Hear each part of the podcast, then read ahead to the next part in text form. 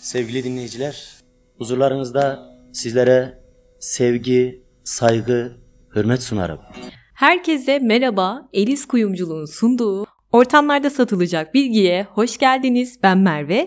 Bugün Yaşar Kemal'in deyimiyle Bozkır'ın tezenesi büyük usta, gönüllerin adamı Neşet Ertaş'ı anlatacağım sizlere. Neden Bozkır'ın tezenesi diyoruz ona? Çünkü tezene kiraz ağacının kabuğundan yapılan böyle bağlama ve sazı çalmak için kullanılan mini bir alettir. Yaşar Kemal, Neşet Ertaş Yugoslavya'da bir trafik kazası geçiriyor, cezaevine giriyor. Çok kısa bir süre yatıyor, 2-3 ay kadar ama çok yalnız bırakmışlar Neşet Usta'yı. Ve Yaşar Kemal hatırlamış onu, İnce Mehmet kitabını göndermiş ve üzerine bir not düşmüş. Bozkır'ın tezenesine selam olsun, geçmiş olsun dediği için bizler de onu Yaşar Kemal'in deyimiyle anıyoruz. Bozkır'ın tezenesi buradan geliyor. İşte bu cezaevi günlerinde hapishanelere güneş doğmuyor, geçiyor bu ömrüm, günüm dolmuyor, eşim dostum hiç yanıma gelmiyor dizeleri var ya orada yazmıştır. Bu arada burada kastettiği güneş yardır, sevgilidir. Yar insanın güneşidir, cennetidir der Neşet Usta. O yüzden güneş doğmuyor diyor orada. Neşet Ertaş, abdallık geleneğinin son temsilcisidir. Sazıyla, bağlamasıyla, bozlaklarıyla halkın sesi ve temsilcisi olmuştur. O yüzden tezenedir. Ne kadar güzel, ne kadar ince bir betimleme bakar mısınız? Ve aynı isimde bir de TRT belgeseli var 4 saat izlemek isteyenler için. Bugün 21 Eylül ve Büyük Usta bundan 10 sene önce 25 Eylül'de maalesef aramızdan ayrıldı ve kendi isteği üzerine ustam dediği babasının ayak ucuna defnedilmiştir ve mezar taşında Neşet Ertaş'ın şunlar yazar. Sakın ol ha insanoğlu, incitme canı, incitme. Her can bir kalp hakka bağlı, incitme canı, incitme yazar. Ne kadar anlamlı, çok anlamlı bir insan Neşet Ertaş. Kendisi de hayatı boyunca karıncayı bile incitmekten imtina etmiştir. Şimdi en baştan başlayalım. Ustam dediği babası Muharrem Ertaş'la başlayalım. Hiç Avşar Bozlağı dinlediniz mi bilmiyorum ama Muharrem Ertaş'ı tanımamıza vesile olan Dadaloğlu'na ait bir Avşar Bozdağ'ın seslendirmesiyle olmuştur. Neşet Ertaş'ın desteğiyle babasını tanıdık. Halbuki o zaten bir ustadır Muharrem Ertaş. Onu da anlatacağım. Kalktı göç eyledi Avşar elleri. Ağır ağır giden eller bizimdir. Arap atlar yakın eder Irak'ı. Yüce Dağ'dan aşan yollar bizimdir. Hatırlamışsınızdır bu türküyü. Osmanlı'nın zorunlu iskan politikasına karşı çıkan Anadolu Türkmenlerinin sesidir Dadaloğlu. Oğuzların Avşar boyundandır. O yüzden bu türkü Avşar Bozdağ'dır arkadaşlar. Yani konar göçer aşiretleri Osmanlı yerleşik hayata geçirmeye çalışırken aralarında baya bir çatışma çıkıyor. Adamlar göçebe tabii ki kabul etmiyorlar. Hatta meşhur bir sözü vardır Dadaloğlu'nun hepinizin bildiği. Ferman padişahınsa dağlar bizimdir. Çok seviyorum ben bu sözü. İşte Türkmen aşiretlerinin sesi Dadaloğlu ve bu mücadelenin sonunda Avşar Türkmenleri İç Anadolu'ya yerleşiyorlar bir şekilde. Adana, Maraş, Kayseri, Yozgat ve en son Kırşehir yöresinde yaşamışlardır. Yani Dadaloğlu Kırşehir için çok önemlidir. İşte Neşet Ertaş'ın babası Muharrem Ertaş da usta da ailesiyle beraber Aksaray'dan geliyor ve Kırşehir'e yerleşiyor. Aslında onun hayat yolculuğu Horasan'dan Kırşehir'in Yağmurlu Büyükoba köyünde konaklayan Deveci kabilesinin göçüyle başlıyor. Ve Muharrem Ertaş'ın o meşhur Avşar Bozlağı'nı o kadar içten okumasının sebebi belki de bu büyük göçtür bilemiyorum. Bu arada ses aralığı bir buçuk oktavdır e, Muharrem Ertaş'ın. Biraz da onun hayatından bahsetmek istiyorum. Muharrem Ertaş'ın babası zurnacı ama onu asıl yetiştiren Kırşehir'in ünlü saz ustası Yusuf Deveci Usta'dır. Ama ses genetik ya kim ne derse desin Muharrem Usta'nın Bulduk diye bir dayısı varmış. Sesi o kadar güzelmiş ki o Bulduk dayısının seferberlik zamanı asker kaçaklarını yakalamak için kullanırlarmış. Yani türküsü söyletiyorlar. Asker kaçakları o dayısının sesini duyup dağdan köye iniyorlarmış. Öyle bir ses. Muharrem Ertaş'ın ilk eşi vefat ediyor arkadaşlar ve ondan zaten hiç çocuğu olmamış. Sonra ikinci evliliğini Neşet Ertaş'ın annesi Döne Hanım'la yapıyor. Ama nasıl evleniyorlar? Neşet Ertaş bunu çok içlenir. Yani diyor ki bize aşiretlerin dışında kız vermezlermiş. Hatta bir söz vardır ya kızı gönlüne bırakırsan ya davulcuya ya zurnacıya diye. Bu sözde Neşet Ertaş çok içlenir. Hatta demiş ki bir röportajında kızlarının gönlüne bu sözlerle gem vuranlar mutsuz evliliklerinin de müsebbibidir. Yani onların vebalini siz taşıyorsunuz diyor. Bence haklı. Neyse babasına kız vermeyecekleri için Keskin'in Hacel köyüne gelmiş ve orada Neşet Ertaş'ın annesi Döne Hanım'ı görmüş, beğenmiş, evlenmişler. Beş çocukları çocukları olmuş ama Döne Hanım çocukları daha çok küçükken maalesef vefat etmiş ve annesiyle babası birbirlerine o kadar aşıklarmış ki e, Döne Hanım Muharrem Ertaş bir yere gittiği zaman çalışmaya gidiyor ya diğer köylere o dönene kadar ağlarmış öyle bir sevgi 3-5 gün yokluğuna dayanamazmış. İşte Neşet Ertaş maalesef küçük yaşta annesiz kalmış bir sanatçımız. Tam burada bir es vereceğim ve size Ercan Kesal'ın Peri Gazozu e, kitabında okuyup çok etkilendiğim bir Neşet Ertaş hikayesi var. Onu anlatmak istiyorum. Düz göğüslü saz hikayesi. Neşet Ertaş'ın sazlarını yaptırdığı Tavşancı Hüseyin diye bir saz ustası var. Bir gün Hüseyin ustasına gidiyor ve ondan düz göğüslü bir saz yapmasını istiyor Neşet Ertaş. Ama usta bu sazı yapmıyor çünkü hiç aklına yatmıyor bu düz göğüslü saz hikayesi. Neden? Çünkü öyle yaparsa sazın göğsü bombeli olacak. Ve Neşet Ertaş ustaya bu sazı yaptıramayınca çırağına yaptırıyor gizlice ve ortaya müthiş bir saz çıkıyor. Daha sonra herkes bu sazdan istiyor tabii. Ve Neşet Ertaş yıllar sonra anlatıyor neden böyle bir saz istediğini.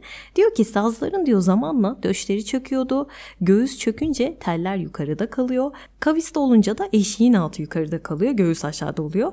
Yani sazın göğsü çöktüğü zaman çok daha içli, çok daha derinden bir ses geliyormuş. O yüzden böyle bir saz istemiş Neşet Usta. Belki de yetimim beni göğsüne yasla demek istiyor kim bilir. Dediğim gibi daha 12 yaşındayken annesini kaybetmiş bir çocuk Neşet Ertaş ve yıllar sonra annesine yazdığı Neredesin sen türküsünü şimdi bence daha başka bir şekilde dinleyeceksiniz. Hani diyor ya orada şu garip halimden bilen şiveli nazlım gönlüm hep seni arıyor neredesin sen tatlı dillim güler yüzdüm ey ceylan gözlüm Gönlüm hep seni arıyor. Neredesin sen? Ben ağlarsam ağlayıp, gülersem gülen, bütün dertlerimi anlayıp, gönlümü bilen, sanki kalbimi bilerek yüzüme gülen, gönlüm hep seni arıyor. Neredesin sen?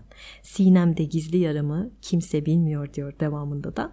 Söylemeyeceğim dinleyin. Yani bir anneye yazılabilecek en güzel şarkılardan birisi bence bu şarkı. Annesinin vefatından sonra Neşet Ertaş ve dört kardeşi öksüz kalıyor ve babası Muharrem Ertaş Arzu isimli bir hanımla tekrar evleniyor. Neşet Ertaş'ın analığım dediği hanımefendi Arzu Hanım o da Yozgat'ın Kırksoku köyünden ama bu evliliğin karşılığında Muharrem Ertaş'tan Arzu Hanım'ın bir akrabasını yetiştirilmesi isteniyor. Saz eğitimi verip yetiştirilmesi isteniyor. Hacı Taşan, Neşet Ertaş'ın dayım dediği isimdir. Daha sonra ondan da bahsedeceğim.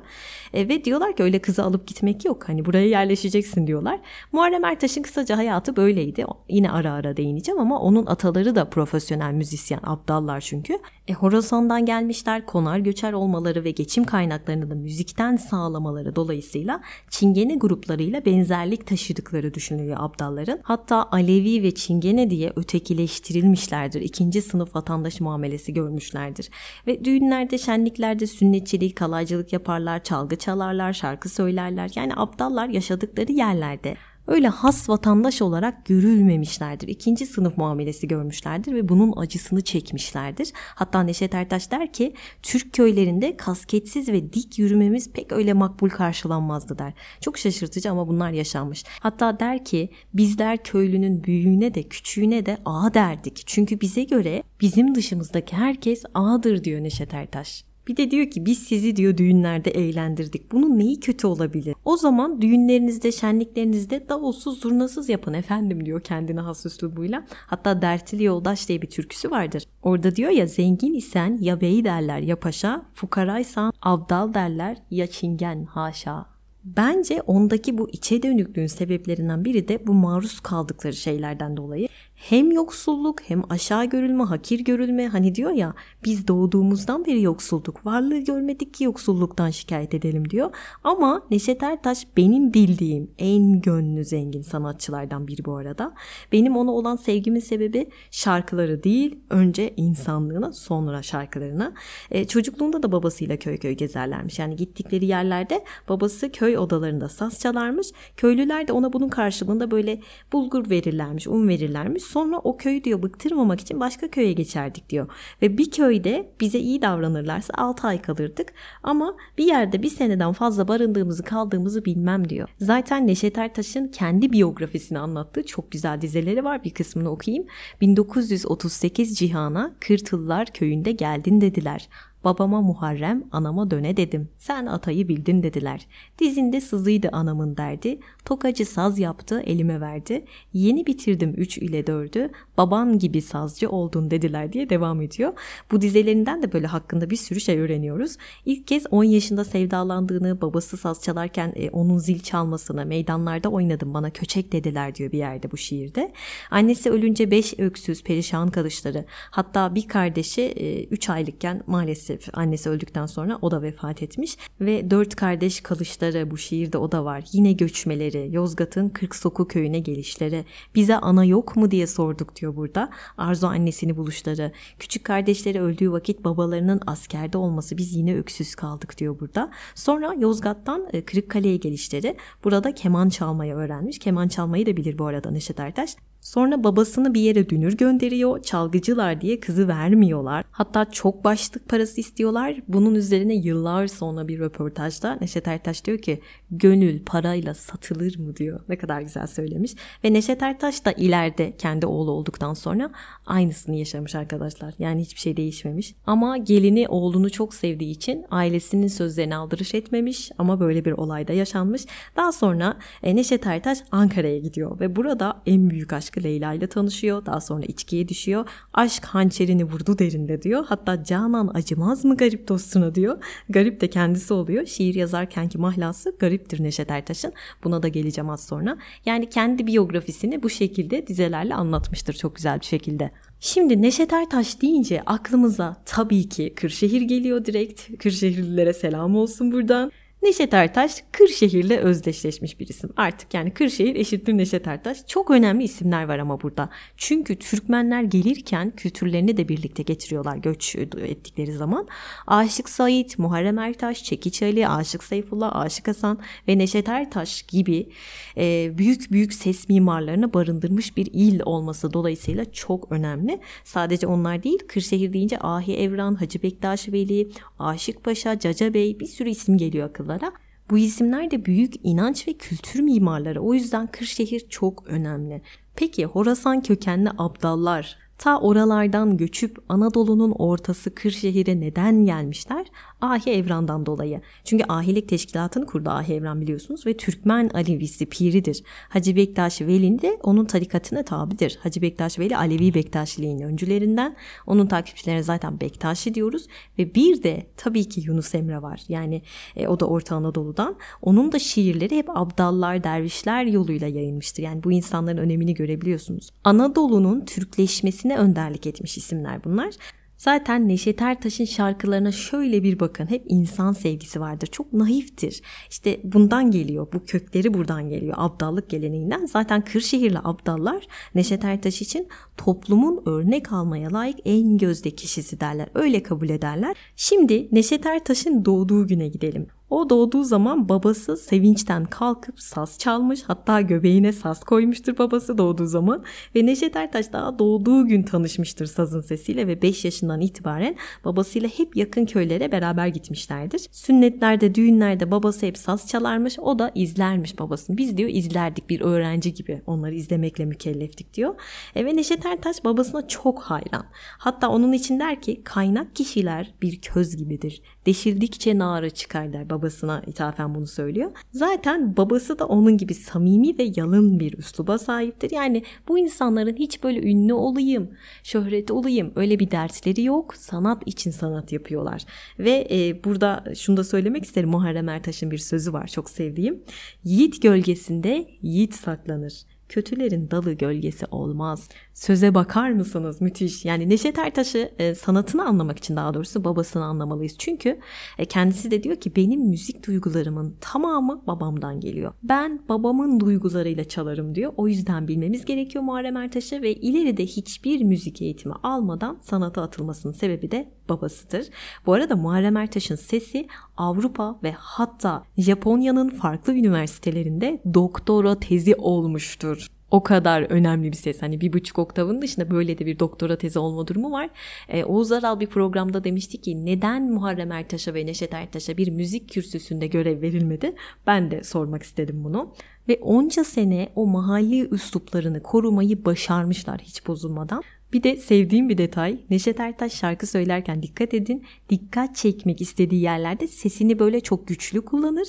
Daha narin söylediği yerlerde duygularını yansıtır. Zaten hem şair Ozan hem de çok iyi bir besteci Neşet Ertaş ve şarkılarını şöyle bir anımsayalım. Neredesin sen ah yalan dünya, zülüf dökülmüş yüze, kendim ettim kendim buldum, gönül dağı, düğünlerde oynadığınız kesik çayır şarkısı ve benim en sevdiğim Ahirim Sensin. Bu şarkının da hikayesi gelecek az sonra.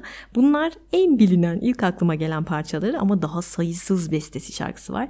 Ve Neşet Ertaş'ın repertuarının bu kadar zengin olmasının sebebi bence Türkiye'yi gezmesinden kaynaklı. Çünkü dediğim gibi 5 yaşında babasıyla köy köy gezermiş ama okula maalesef hiç gidememiştir. Hayatı yoksullukla geçmiş. Çok istemiş okumayı ama olmamış. Hayat şartları el vermemiş. Bir köyde çok varlıklı bir ailenin e, öküzlerini gütmüş, düvenlerini sürmüş. Yani küçükken okul yerine hep çalışmış Neşet Ertaş. Ama İTÜ Devlet Konservatuvarı tarafından kendisine fahri doktora verilmiştir. Sevindirici bir haber ve bağlamadaki o tavırları üniversitede ders olarak okutulmuştur Neşet Ertaş'ın.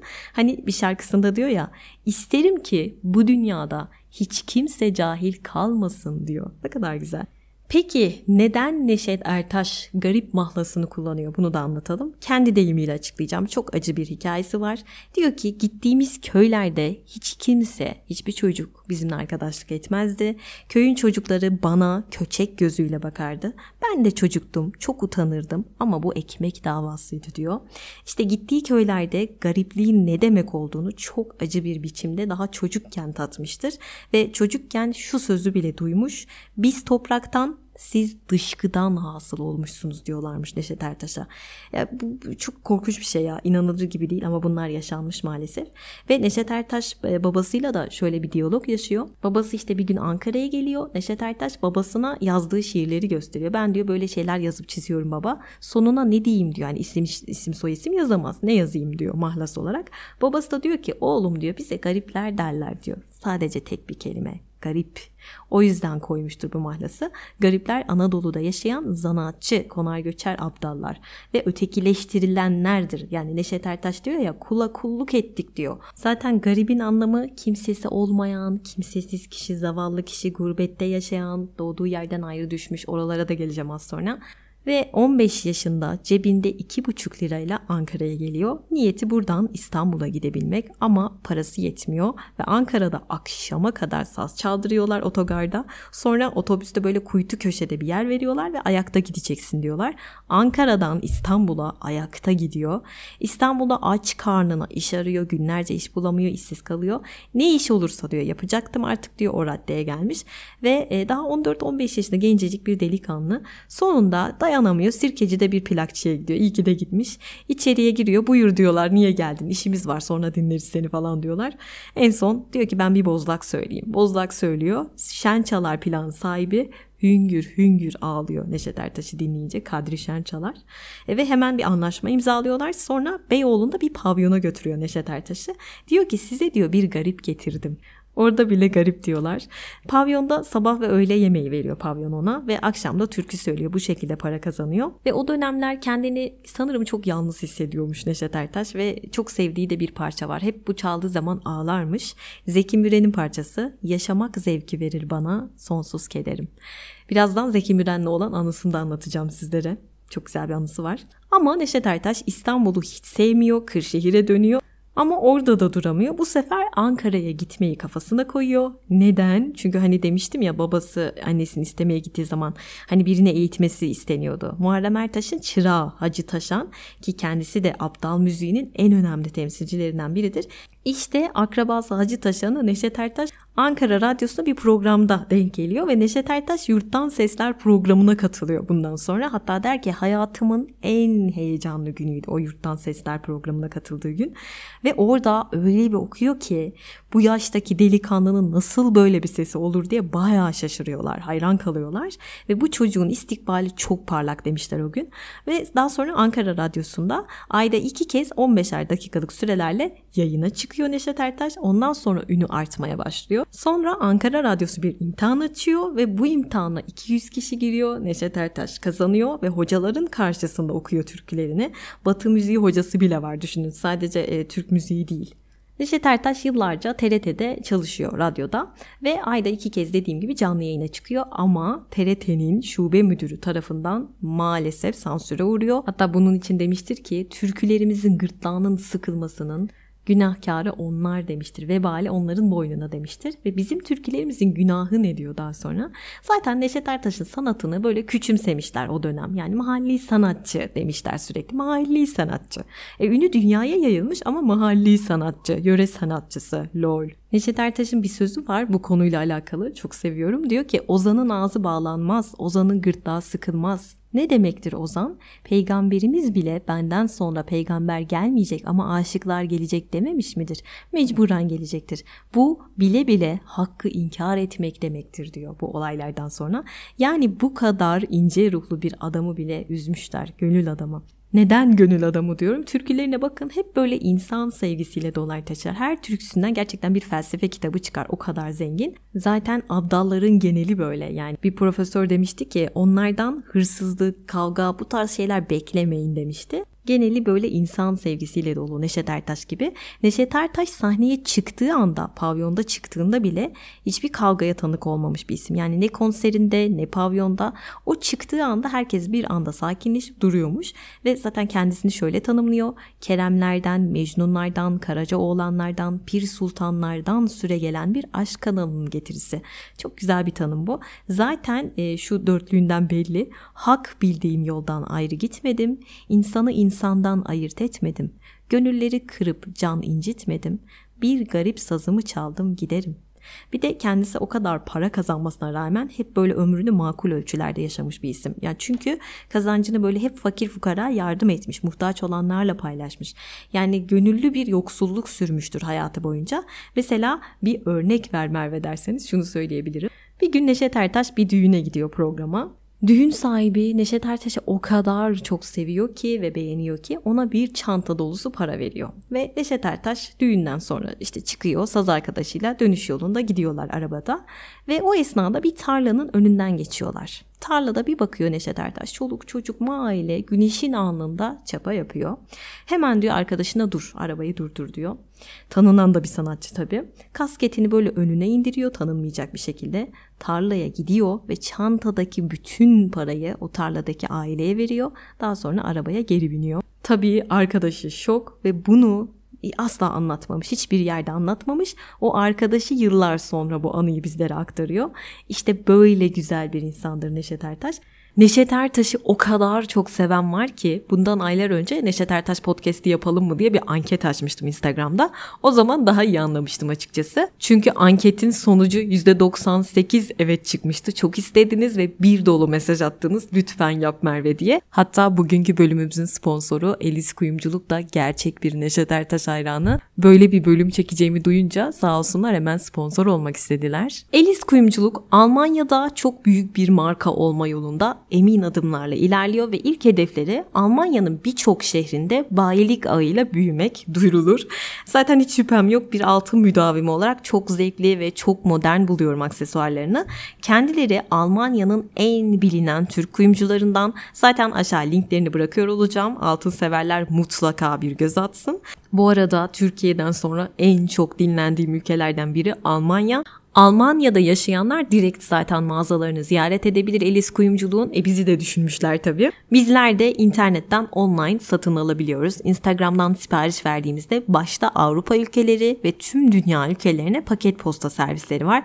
Tabii ki UPS güvencesiyle Bence altın dünyanın en güzel yatırım aracı. Peter Tapsel'in dediği gibi bilim adamları koyunu kopyalayabilir. Belki de insanı da kopyalayabilirler ama 10 bin yıldan uzun süredir altını kopyalamaktan hala çok uzaktalar. Hani Kleopatra podcastinde demiştim ya altın uzaylı bu dünyadan değil demiştim. Beni en çok cezbeden kısmı bu.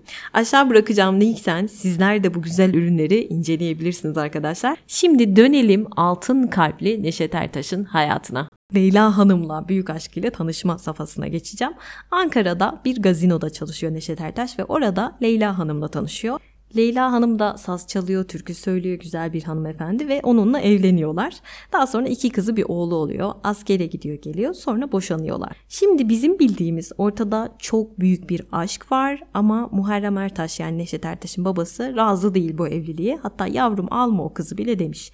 E, ailelerine yakıştıramıyor gazinoda çalıştığı için. Hatta Muharrem Ertaş daha Neşet Ertaş evlenmeden evladım diye bir türkü yazıyor.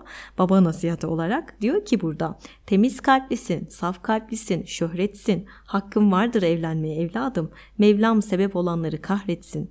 Aslı bozuk, alma dedim evladım diyor. Ve yani asılsızı alma diyor. Neşet Ertaş çok kırılıyor bu sözlere biraz da tepkisel olarak gidip evleniyor. Ve o da babasına şöyle bir türküyle cevap veriyor. Aşkı kimden aldın, sevgiyi kimden? Aslı bozuk deme gel şu insana. Soracak olursan eğer ki benden aslı bozuk deme gel şu insana ya dost. Bunun üzerine Muharrem Bey sonuç olarak şu dörtlükle cevap veriyor. Küsmedim Neşet'im, kahrettim sana. Baban değil miydim sormadın bana. Olan olmuş yavrum ne diyeyim sana. Sen aklını yitirmişsin evladım diyor. Sonra baba oğul çok uzun bir süre küsüyorlar ve babasıyla aşkı arasında kalıyor Neşet Ertaş. Sonraları boşanıyorlar ve Neşet Ertaş cahildim dünyanın rengine kandım. Hayale aldandım boşuna yandım. Seni ilelebet benimsin sandım diyor. Daha sonra viran oldu evim yurdum. Ne söylesem boşa Leyla'm diyor. Şimdi bu herkesin bildiği olaylar ama Neşet Ertaş'la ilgili çekilmiş ben bütün belgeselleri izledim. Makaleleri taradım.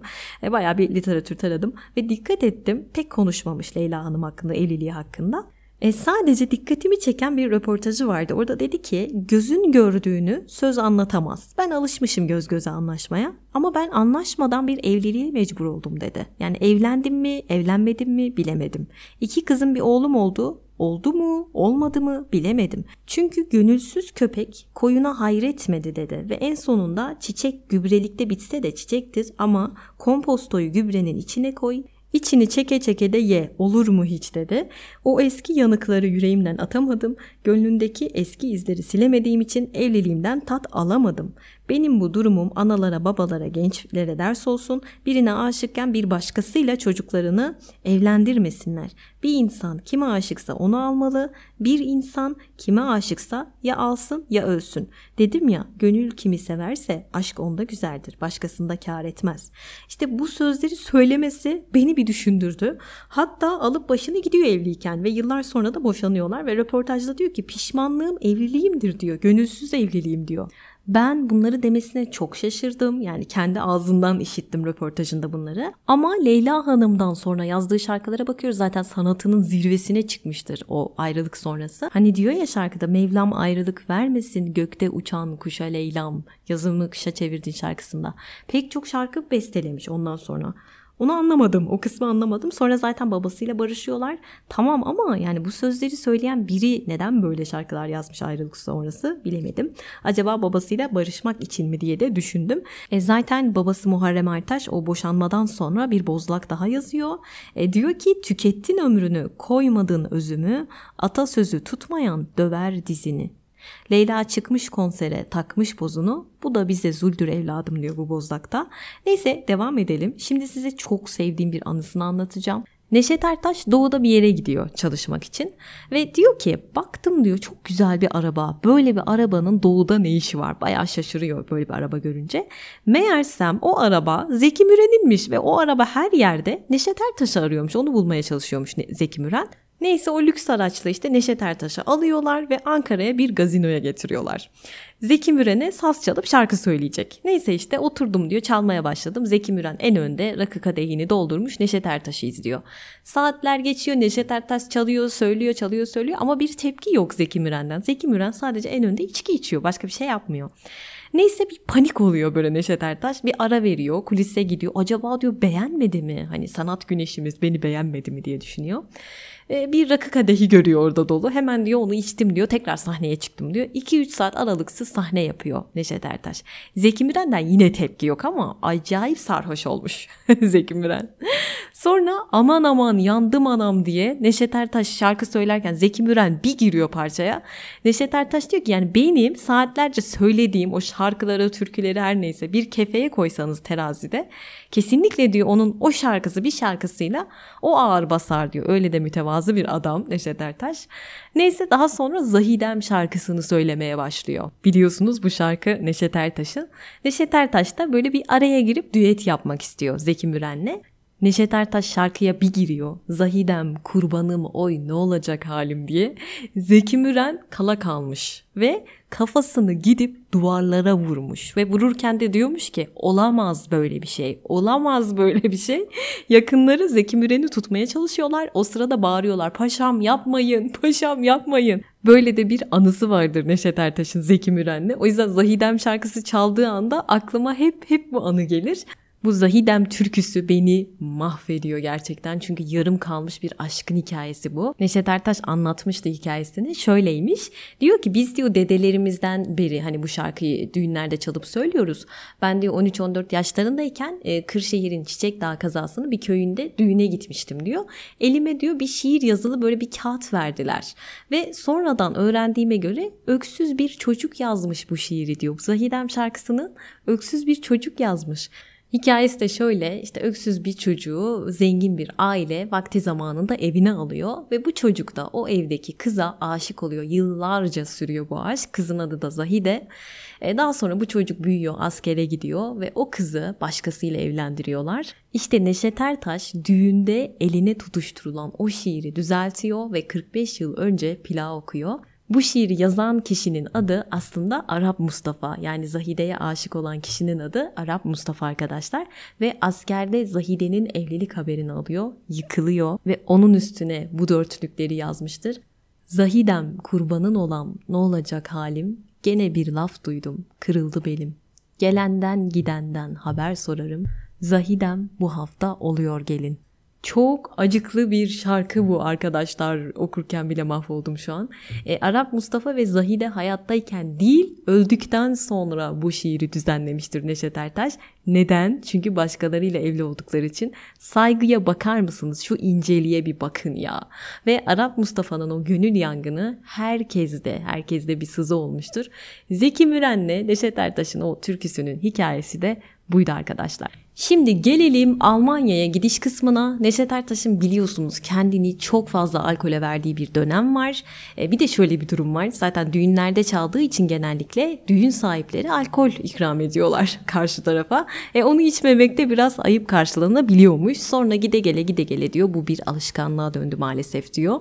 E, ve bir gün Ankara'da e, sahnede saz çalarken bir anda parmakları kilitleniyor Neşet Ertaş'ın. Çalamaz bir hale geliyor. Neden? Çünkü sabahları bile aç karnına artık sek rakı içiyordum diyor. Alkolden dolayı olmuş bu parmak kilitlenmesi. Neyse düzelmesi için Türkiye'de bir tedavi görüyor fakat bir netice alamadığı için abisi Almanya'da yaşıyor gel diyor bir de burada baktıralım diyor. İşte aslında Almanya yolculuğu bu şekilde başlamış. Yani hastalığı tedavi olması için gidiyor ve daha sonra orada kalıyor. Orada elektrik tedavisi, iğneler uygulanıyor. Baya baya iyileşmiş parmakları tekrar saz çalmaya başlıyor. Bir de Almanya'da kalma sebeplerinden birisi biliyorsunuz ki kendisi bir eğitim hayatı olmadı, okuyamadı ve bunun acısını çok çekmiştir Neşet Ertaş. Çocuklarım okusun istedim diyor. O yüzden Almanya'da kaldım diyor. Bir de şöyle bir söz etmişti bir röportajında. İçim giderdi diyor. O okula giden çocuklara baktığım zaman çok üzülmüştüm bunu duyunca ve Almanya'da artık böyle gurbetçi düğünlerinde çalmaya başlıyor. Yani Türkiye'de turnelere giderken oldukça ünlüyken Almanya'da tekrar aslında o başladığı yere dönmüştür Neşet Ertaş hayattaki başlangıç yerine. Düğünlerde çalmaya başlamıştır. Neden bunu söylüyorum? Çünkü sıfır ego gördüğünüz gibi. Bir de Almanya'da Alman bir sanatçıyla tanışıyor. Onun sayesinde bir sanat okulunda saz eğitmenliği yapmıştır. İki sene boyunca saz öğretmenliği yapmış. Hatta pasaportunda da saz öğretmeni yazar Neşet Ertaş bundan dolayı. Çok da hoşuna gider bu ama bir de TRT'de yapılan muameleye bakın. Almanya'da yapılana bakın. Çok üzücü gerçekten. Peki Neşet Ertaş Almanya'da mutlu mu sizce? Zannetmiyorum çünkü gurbet acısı çekmiş, hasretlik çekmiş ama işte küstürmüşler de biraz onu söylüyorum ya röportajlarında diyor ki gurbette olanların hiçbiri mutlu değil. Gurbet herkesin yüreğinde taş gibi diyor. Yani bu sözleri sarf eden birinin mutlu olduğunu ben düşünmüyorum. Almanya'dayken babasına da bu arada hiç unutmamıştır. Hep maddi yardımlarda bulunmuştur Muharrem Ertaş'a. Ama maalesef babasının cenazesine yetişememiştir. Bu arada babası Muharrem Ertaş'ın mezar taşında da çok anlamlı sözler yazıyor. İşte geldim, işte gittim. Güz çiçeği gibi bittim. Yalan dünyada ne iş tuttum. Ömrü çeyim geçti gitti yazıyor mezar taşında. Ömrü çeyim söze bakar mısınız? Çiçeğim. Çok güzel ya. E, ve yani fani dünyanın naifliği bu kadar güzel bence anlatılabilirdi. Babası yani ruh arkadaşı hastalandığı zaman hemen geliyor Neşet Ertaş. Babası da onu görünce sevincinden hemen ayağa kalkmış. Hatta saz bile çalmış. Düşünebiliyor musunuz? Ölüm döşeğinde. Diyor ki Neşet Ertaş babam ne zaman beni görse ayaklanırdı diyor. Hani gözlerinin içi parlardı. Ama o dönem bir herhalde bir Alzheimer gibi bir durum da var. Beni bile unutmuştu diyor. Ve ne zaman ki Neşet Ertaş Almanya'ya geri dönüyor hemen ardından babası vefat etmiştir. O yüzden cenazesine yetişemiyor. Hatta ölmeden önce de sazını oğlu Neşet Ertaş'a bırakıyor Muharrem Ertaş. Peki Merve, Neşet Ertaş neden kırgın Türkiye'ye, neden dönmüyor? Çünkü türküleri yasaklanmış. Telif yasaları olmadığı için o dönem içerisinde türküleri üzerinden herkes böyle deli dehşet para kazanırken o geçimini düğün düğün gezerek sağlamaya çalışıyor.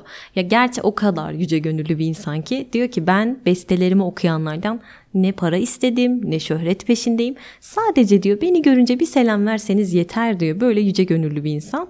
Ama şöyle de bir durum var. Babasının ölümü onu çok sarsıyor. Yani 20 sene boyunca içine kapanıyor. Ne radyo ne televizyon. Hatta diyor ki hiçbir şey diyor gönlüm istemedi diyor. Ve memleket de hala ünlü bu arada Almanya'da olmasına rağmen. Ama 20 sene piyasadan yok oluyor dediğim gibi. Resmen böyle kendini unutturmaya çalışmış gibi bir hissiyat oluşturuyor insanlarda. Hatta e, öldü haberleri bile çıkmıştır televizyonlarda. O zaman da bayağı kırılmış Türkiye'ye. Ne demek öldü diyor. Yani yaşıyorum öldü haberleri çıkıyor.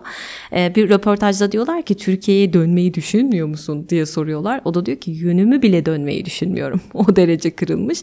Bir de şöyle bir durum var. Neşet Ertaş'ın hakkını o kadar çok yemişler ki yani şarkılarından prim yapıp adını bile anmamışlar. Adını bile yazmamışlar. Soranlara anonim demişler düşünün artık. Hatta Neşet Usta'ya soruyorlar neden diyorlar hakkınızı aramadınız? O da diyor ki haksızdan hak talep etsen ne olacak ki? Söze bakın. Yani adam boşuna küsmemiş Türkiye'ye. 20'den fazla korsan kaseti çıkıyor. Eserlerine anonim deniliyor. Telif hakları göz ardı ediliyor. Senelerce gasp ediliyor. Ve ortada inanılmaz bir para kaybı var. Yağmalama var resmen ve zaten Neşet Ertaş hayatı boyunca varlığında da yokluğunda da hep böyle gariplere, fakir fukaraya hep yardım etmiş bir insandır. Fazla malda asla gözü olmayan bir adam Neşet Ertaş. Bir de etrafındakileri zengin etmiş yani affedersiniz amiyane tabirle söyleyeceğim. Yemişler bitirmişler adamı o derece sömürmüşler. Kendileri trilyoner olmuş. E, Neşet Ertaş diyor ki bir röportajında İstanbul'dan Ankara'ya kadar eğletiyordu verdikleri para. Ya o kadar az. Ve Neşet Ertaş'ın bakın söylediği bozlak var ya bunu söyleyebilen kişi sayısı o kadar az ki. Yani bu müzik türünü ciddi ciddi bu müzik türünü icra etmek çok zor. Çünkü çok özel bir üslup. Ve şöyle bir durum var. Bozlak dediğimiz şeyde hiç Arap etkisi yok arkadaşlar. Tam Anadolu. Çünkü Türkmenlerden geliyor demiştim ya en başta. Horasan'dan İç Anadolu'ya giden Türkmenlerle geliyor. Abdallarla geliyor Bozlak bize. Yani sırf bu yüzden bile saygı duyulması gereken çok nadide bir sanatçı ama kıymeti bilindi mi derseniz hiç zannetmiyorum. Neyse Almanya'ya dönelim. İşte daha sonra Kültür Bakanlığı'nın demokratlarından Bayram Bilge Tokel Almanya'ya gidiyor. Diyor ki belgeselini çekelim diyor Neşet Ertaş'a. Lütfen diyor geri dön diyor. Zar zor bir şekilde ikna etmeyi başarıyorlar. Ee, Hasan Saltık var müzik yapımcısı o da bayağı uğraşmış. Tam 25 sene sonra Neşet Ertaş Türk seyircisinin karşısına çıkıyor. Nerede? İstanbul Açık Hava Harbiye'de bir konser veriyor. Ve ne zannediyor biliyor musunuz? Yani konsere sadece kendi memleketleri falan gelecek zannediyor. Bir çıkıyor sahneye insan seli karşısında ve böyle eli ayağı titriyor. Heyecan heyecandan eli ayağına karışıyor. E, Bir de şöyle bir olay yaşanıyor bu konserin öncesinde. Neşet Ertaş böyle çaktırmadan seyircilere bakıyor ve kalabalığı görünce çok heyecanlanıyor ama o kalabalıkta gözü abdalları arıyor ama hiçbiri yok. E, müzik yapımcısına dönüp diyor ki yani böyle bir şeyin olması mümkün değil diyor abdalların gelmemesi. Ben senelerdir Türkiye'de yokum mutlaka gelmiştir onlar diyor. Sonra bir düşünüyor ama diyor onların parası yoktur diyor. O yüzden içeri girememişlerdir. Hani ne olur onları bul, al, getir içeri koy diyor yani. Aptalları bana bul diyor. Gerçekten de konser alanının dışına bir çıkıyorlar. Abdallar böyle çimlere oturmuş oradan dinleyecekler Neşet Ertaş'ı. Paraları olmadığı için Harbiye'ye girememişler. Yani Neşet Ertaş doğru bir tespit yapmış. Sonra tabii onları içeri alıyorlar ve ön sıralara yerleştiriyorlar. E, bu da böyle bir konser. Hatta bu konserde diyor ya demek ki 30 senedir Türkiye'de konser vermediğimin hasretini çeken canlar varmış diyor. Çok şaşırmış o sevgiseline çünkü. Hatta şey diyor ya saygısızlık olmasın ceketimi çıkarabilir miyim? Bu konserde söylüyor onu. Bu arada söyledim hatırlamıyorum. Ee, Süleyman Demirel zamanında kendisine devlet sanatçılığı teklif edilmiştir. Fakat cevabı şu olmuştur. Devlet sanatçısı olmak ayrımcılığa yol açar. Ben halkın sanatçısı kalmayı tercih ederim diyor. Devletten para almayı reddediyor Neşet Ertaş. Yani o kadar güzel bir gönlü var ki. Bir de Aşık Mahsuni Şerif'le bir anısı var. Onu da anlatmadan geçmeyeyim. Bunu Aşık Mahsuni Şerif anlatmıştı bir röportajında. E, ikisi bir konsere gidiyorlar Eskişehir'e fakat konseri düzenleyen adam dolandırmış bunları. Otelde bırakıp kaçmış Aşık Mahsuni ile Neşet Ertaş'ı. Ve adam sadece Neşet Ertaş'ın parasını ödemiş. Aşık Mahsuni'ye bir ödeme yapmamış. Neşet Ertaş da demiş ki ne demek demiş benim paramı vermedi kardeşim. Al demiş verdi ya bana 300 kağıt. O parayı bölmüş yarı yarıya. Kalan yarısını da onlarla gelen sazcılara vermiş ve Neşet Ertaş'ın elinde kala kala 25 lirası kalmış o 300 liradan. Ve bunu hala diyor unutamam diyor Aşık Mahsuni Şerif. Böyle güzel bir insan. Yani ben onun güzelliklerini anlat anlat bitiremem herhalde. Bir de şöyle bir olay yaşanmış. Kültür Bakanlığı e, Kırşehir'e heykelini dikmek istiyor Neşet Ertaş'ın. Heykelde şöyle hani demiştim ya 5 yaşındayken babasıyla beraber bir eşeğe binip köy köy işte çalmaya giderlermiş düğünleri elinde sazları. İşte Kültür Bakanlığı bunun heykelini yapmak istiyor. Heykelde şöyle eşeğin üzerinde Muharrem Ertaş, Neşet Ertaş gidiyorlar. Böyle bir heykel tasarlamışlar. Neşet Ertaş'a bunu gösteriyorlar. O da diyor ki ya diyor böyle olmasın diyor. Niye diyorlar? Onun da bir canı var diyor eşek için. Yani bizi diyor ayrı ayrı yapsanız olmaz mı diyor. o yüzden o heykel öyle ayrı ayrı. Eşeğin üzerinde hiç kimse yok. Koyarım Instagram'a bakarsınız. Peki Neşet Ertaş'a neden usta diyoruz? Çünkü o gerçekten bir ses ustası. Yani bir müzik boyunca 2-3 farklı ton kullanabiliyor. Asla detone ve sürtone olmayan bir ses virtüözü ve halk müziğinde çığır açmış bir isim. Bu kesin. Çünkü üstün bir doğaçlama becerisi var ve her çaldığı eseri defalarca çalmış olsa bile her defasında farklı farklı hissederek çalıyor. Hatta bir röportajında demişti ki yani bana bir şarkıyı hemen akabinde aynı şarkıyı bir daha söyletin ben söyleyemem diyor. Yani çünkü o duyguya girerek söylediği için o duyguyu tekrar yaşayamayabilirim diyor gerçekten hissederek söylüyor ve normal bağlamada perde sayısı 18-22 arası değişiyor ya onun bağlamasında bu sayı 40'ın üzerine çıkıyormuş o kadar yani. Bir de sazın göğsünü böyle davul gibi kullanır Neşet Ertaş buna göğse pençe vurma deniliyor. Ya yani bunu çok ileri seviyelerde icra ediyor. Bir de kendine has bir icra şekli koyuyor ortaya. Yani her daim gönlünün derinliklerinden hissederek o lirizmi, o duygu yoluyla sazıyla sesiyle ifade etmeyi başarıyor ve 21. yüzyıl sanatçıların içerisinde en örnek alınacak kişiliklerdendir. Sizlere son bir anısını anlatarak bu bölümü kapatacağım. E, bu anısı da oyuncu Şoray Uzun'la arasında geçen bir hadise. E, canlı yayında bir gün Şoray Uzun Neşet Ertaş'a sesleniyor. Neşet Ertaş Almanya'da ya. Neşet Usta diyor çocuklarıma anlatacağım bir anım olsun istiyorum. Seninle şöyle diyor baş başa geçireceğim bir program olsun ne olursun lütfen gel diyor. Tabii Neşet Ertaş Almanya'da dedim ya Türkiye'ye gelmiyor küsmüş. Neyse Şoray Uzun'un canlı yayını bitiyor işte kulise gidiyor. O esnada telefonu çalıyor. Sekreter diyor ki Şoray Bey telefonunuz var. E, Şoray Uzun telefonu açıyor. Alo diyor. Karşısında Neşet Ertaş ve diyor ki ya diyor ben kimim de diyor bana böyle yalvarıyorsun çağırıyorsun. Sarı oğlan diyor. Sen misin diyor. Şoray Uzun tabi anlamıyor kiminle konuştuğunu. Kiminle görüşüyorum falan diyor. Ben diyor Neşet Emmin diyor Almanya'dan arıyorum. Beni çağırmışsın diyor. Yarın geliyorum diyor. Şoray Uzun tabi inanmıyor. Beni diyor kesin birileri tiye alıyor işletiyor diyor. Ama ertesi gün çat karşısında Neşet Ertaş o kadar şaşırıyor ki ve Neşet Ertaş öyle zengin biri de değil. Yani uçak biletini kendi cebinden almış ve Şoray Uzun şok geçiriyor bu kadar şeye. Ya bari diyor uçak biletinizi ödeyeyim ne olur diyor. Neşet Ertaş da diyor ki ya ben diyor buraya konuk olarak geldim. Para falan alamam ne kadar ayıp oğlum öyle şeyler diyor. Neyse program bitiyor. Şoray Uzun'un dileği gerçek oluyor ve en son Neşet Ertaş işte Almanya'ya dönecek. Dönüp diyor ki Şoray Uzun'a ya diyor bizim sanatçı milleti sen de biliyorsun diyor. Biraz nazlı olur. Azıcık diyor bazısına da yakışır naz diyor. Şimdi bunları bazısı diyor geliyorum der gelmez. Eğer diyor böyle bir gün konuksuz falan kalırsan ara oğlum beni ben gelirim diyor.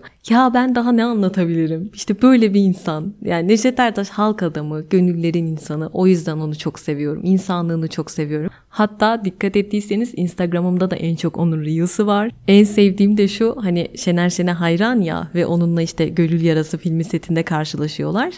O anı bilmiyorum çok çok etkileniyorum onu izlerken her defasında. Ne zaman izlesem cidden gözlerim doluyor. Yani o kadar güzel, o kadar saf, o kadar içten bir sevgi besliyor ki Şener Şen'e karşı. Bakışlarıyla zaten bunu gösteriyor. Şener Şen'e diyor ya, Şener kardeşim gözlerinden öperim. Bu sana olan sevgim yüreğimde kalmadı şükür. Karınca kararınca bir katre dünyana katılabildiysem ne mutlu bana. Ya şu sözlerin güzelliğine bakar mısınız? Ya gönüllerimize katılmanın ötesine geçtin diyebilmek isterdim ben de. Neşet Usta 23 Eylül 2012'de kanser sebebiyle bu hayata gözlerini yumdu maalesef. Gönlümüz hep onu arıyor. Neredesin sen sevgili Neşet Ertaş? Ve bir bölümün daha sonuna geldik. Aşağı bırakmış olduğum linkten bölüm sponsorumuz Elis Kuyumculuğun aksesuarlarını inceleyebilirsiniz. Beni Instagram'da takip etmek isteyenler için adresimi de aşağı bırakıyor olacağım. Haftaya tekrar görüşmek üzere. Hoşçakalın. Son nefesime kadar sizlerle beraberim. Ayaklarınızın turabıyım, gönüllerinizin hizmetçisiyim. Dertlerinizin ortakçısıyım.